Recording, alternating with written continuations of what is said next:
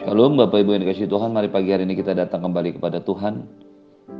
Kita membaca dan merenungkan firman Tuhan dari Yohanes pasal yang keempat ayat 31 sampai dengan 42. Yohanes pasal 4 ayat 31 sampai dengan 42. Sementara itu murid-muridnya mengajak dia, katanya, Rabi makanlah.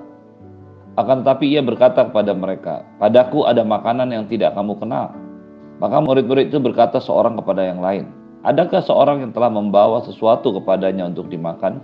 Kata Yesus kepada mereka, Makananku ialah melakukan kehendak dia yang mengutus aku dan menyelesaikan pekerjaannya. Bukankah kamu mengatakan empat bulan lagi tibalah musim menuai?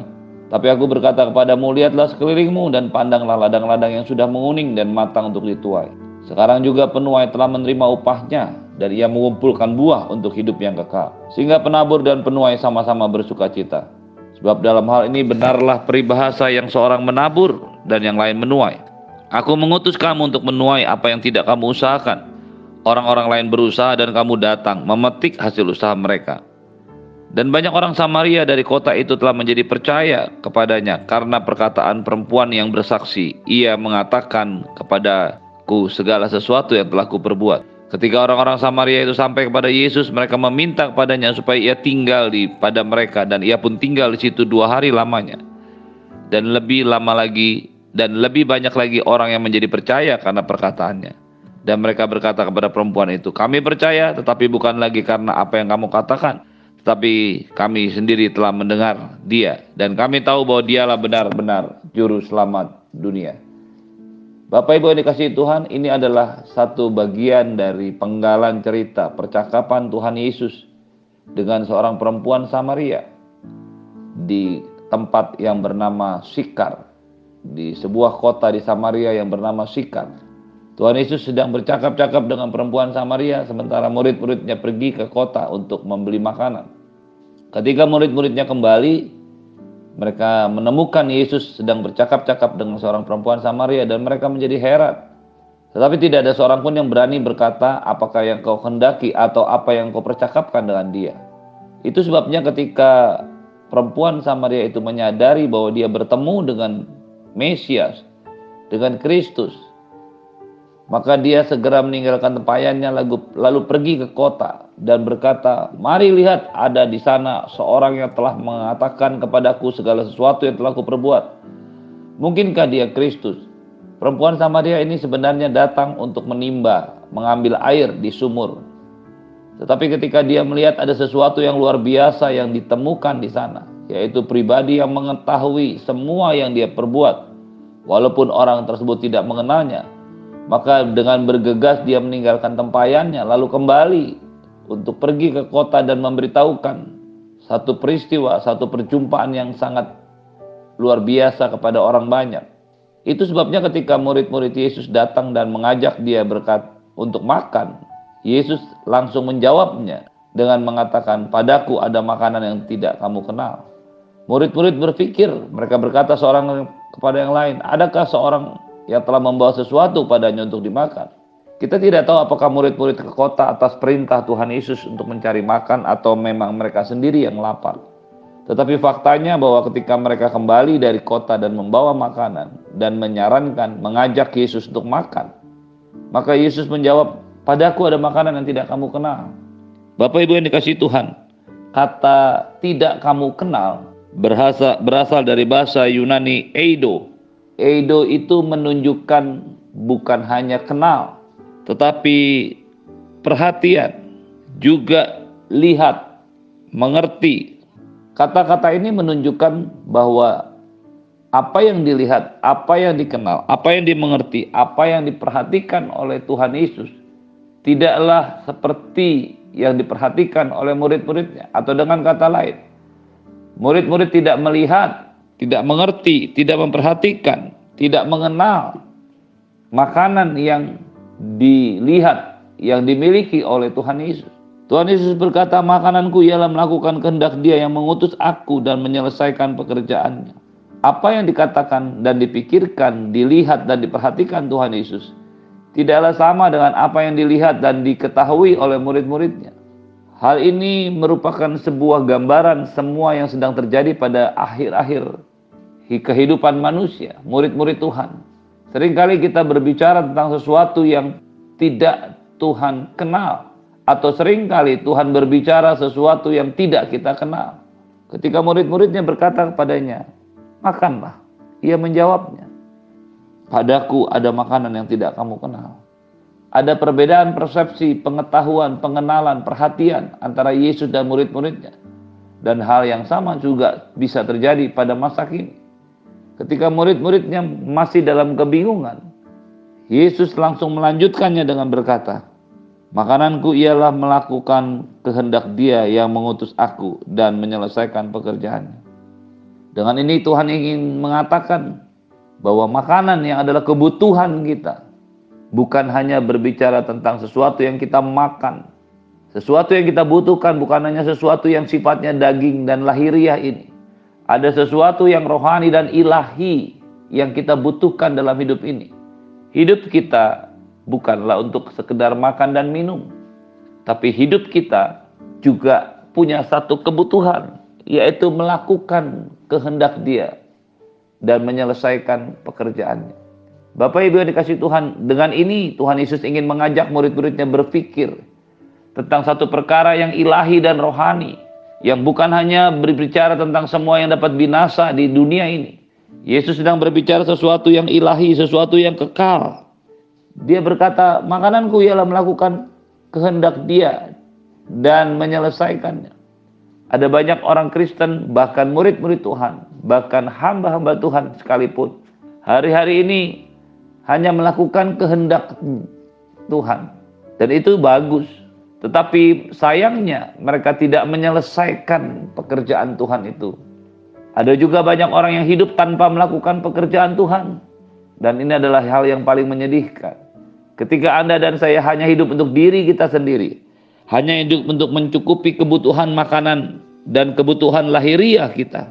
Maka kita sedang tidak mengerjakan pekerjaan Tuhan tetapi mengerjakan pekerjaan engkau dan saya sendiri. Tetapi yang Tuhan katakan di sini, yang merupakan satu kebutuhan, yang merupakan satu makanan yang harus dimakan, jika tidak akan menimbulkan sakit atau masalah dalam hidup kita, adalah melakukan kehendak Dia. Melakukan kehendak Dia dan menyelesaikannya merupakan sebuah tindakan yang harus Anda dan saya lakukan selama kita hidup di dunia ini. Jika kita tidak, maka kita adalah orang-orang yang hanya berpikir, melakukan, dan bekerja untuk semua perkara yang lahiriah, perkara yang akan binasa, perkara yang sama sekali tidak membawa kepada kekekalan ini. Camkanlah baik-baik pagi hari ini, renungkanlah, ingatlah baik-baik. Padaku, kata Tuhan Yesus, ada makanan yang tidak kamu kenal. Padaku ada sesuatu yang tidak kamu perhatikan, tidak kamu mengerti, tidak kamu lihat. Pagi hari ini saya berdoa setiap kita memiliki panca indera rohani, mata rohani yang cukup untuk melihat, mengenal, menaruh perhatian untuk perkara yang ilahi ini, makanan yang ilahi ini, makanan yang bisa membawa kepada kekekalan, yaitu melakukan kehendak Dia dan menyelesaikannya. Penting untuk saudara dan saya ingat sepanjang hidup kita sebagai orang percaya, sebagai murid-murid Tuhan, bahkan sebagai pelayan dan hamba Tuhan. Pastikan bahwa setiap kita bukan hanya bekerja untuk diri kita, untuk sesuatu yang dapat binasa, sesuatu yang akan lenyap pada saat kedatangannya, tetapi bekerja menaruh perhatian, mengenal, melihat, dan mengerti apa yang menjadi makanan rohani kita, yaitu melakukan kehendak Tuhan dan menyelesaikan pekerjaannya. Tentu saja Tuhan tidak memanggil semua kita untuk menjadi seorang full timer atau hamba Tuhan atau pendeta. Allah memanggil kita sesuai dengan profesi dan panggilan kita masing-masing. Kita bisa bekerja, kita bisa berbisnis. Ibu-ibu bisa menjadi ibu rumah tangga, bekerja sebagai ibu rumah tangga. Tetapi perhatikanlah, semua yang engkau dan saya kerjakan, termasuk melayani Tuhan, haruslah dalam rangka melakukan kehendak Bapa dan menyelesaikan pekerjaannya. Bisa terjadi seorang hamba Tuhan, seorang pelayan Tuhan yang kelihatannya melayani Tuhan, memimpin gereja, mengajar. Dia tidak lagi melakukan semuanya untuk Tuhan, tetapi untuk dirinya sendiri. Dia tidak lagi mengajar seperti yang firman Tuhan ajarkan. Dia tidak lagi mengajarkan kebenaran yang firman Tuhan ajarkan. tetapi mengajarkan kebenaran diri sendiri, pengertian diri sendiri. Kembalilah kepada firman Tuhan, kembalilah kepada kebenaran firman Tuhan. Karena itulah pekerjaan yang Tuhan mau Anda dan saya kerjakan hari-hari ini. Menyelesaikan pekerjaannya, menyiapkan jemaat bukan hanya untuk hidup di dunia ini, tapi untuk hidup di dalam kekekalan. Melihat kebutuhan orang lain, itu adalah sesuatu yang tidak dilihat oleh murid-murid Yesus. Mereka hanya berpaku kepada kebutuhan mereka, yaitu makanan, karena mereka lapar sedang dalam perjalanan dari Yudea ke Galilea. Tetapi Yesus melihat apa yang menjadi kebutuhan orang lain. Ketika melihat bahwa wanita atau perempuan Samaria itu meninggalkan buyungnya atau tempayannya, lalu kembali ke kota untuk mengajak semua orang yang ada di kota datang menemui Yesus, maka Yesus melihat kebutuhannya sesuatu yang tidak dilihat oleh murid-muridnya. Yesus melihat kebutuhan orang-orang di kota Sikar di Samaria ini. Yesus melihat betapa kehausan, kerinduan mereka akan keselamatan, juru selamat, Mesias. Ketika Tuhan Yesus berkata kepada murid-muridnya, Engkau mengatakan empat bulan lagi tibalah musim menuai. Aku berkata kepadamu, lihatlah sekelilingmu dan pandanglah ladang-ladang yang sudah menguning dan matang untuk dituai. Musim panen bagi orang Israel itu terjadi pada saat mereka mulai masuk di dalam satu waktu mereka harus menuai, memanen tanaman-tanaman yang mereka sudah tanam sebelumnya. Ketika Tuhan Yesus mengatakan empat bulan lagi tibalah musim menuai. Sebenarnya dia sedang mengatakan sekaranglah musim menuai. Ketika Tuhan Yesus berjalan bersama-sama dengan muridnya, mereka murid-muridnya tidak bisa melihat apa yang menjadi kebutuhan orang-orang, tetapi Tuhan Yesus melihatnya. Itulah yang dikatakannya, bahwa gandum-gandum yang sudah matang dan siap dituai, yang tidak bisa dilihat. Ketika Anda dan saya mengetahui apa yang menjadi kebutuhan orang lain, maka kita akan lihat apa yang menjadi rencana dan kehendak Tuhan buat hidup Anda dan saya. Sekarang juga penuai telah menuai menerima upahnya dan ia mengumpulkan buah untuk hidup yang kekal. Pastikan Anda dan saya mengerjakan dan melakukan semua pekerjaannya untuk hidup yang kekal. Kita bukan hanya hidup untuk masa kini atau hari ini atau sesuatu yang binasa ini. Tetapi semua yang kita kerjakan akan mendatangkan buah untuk hidup yang kekal.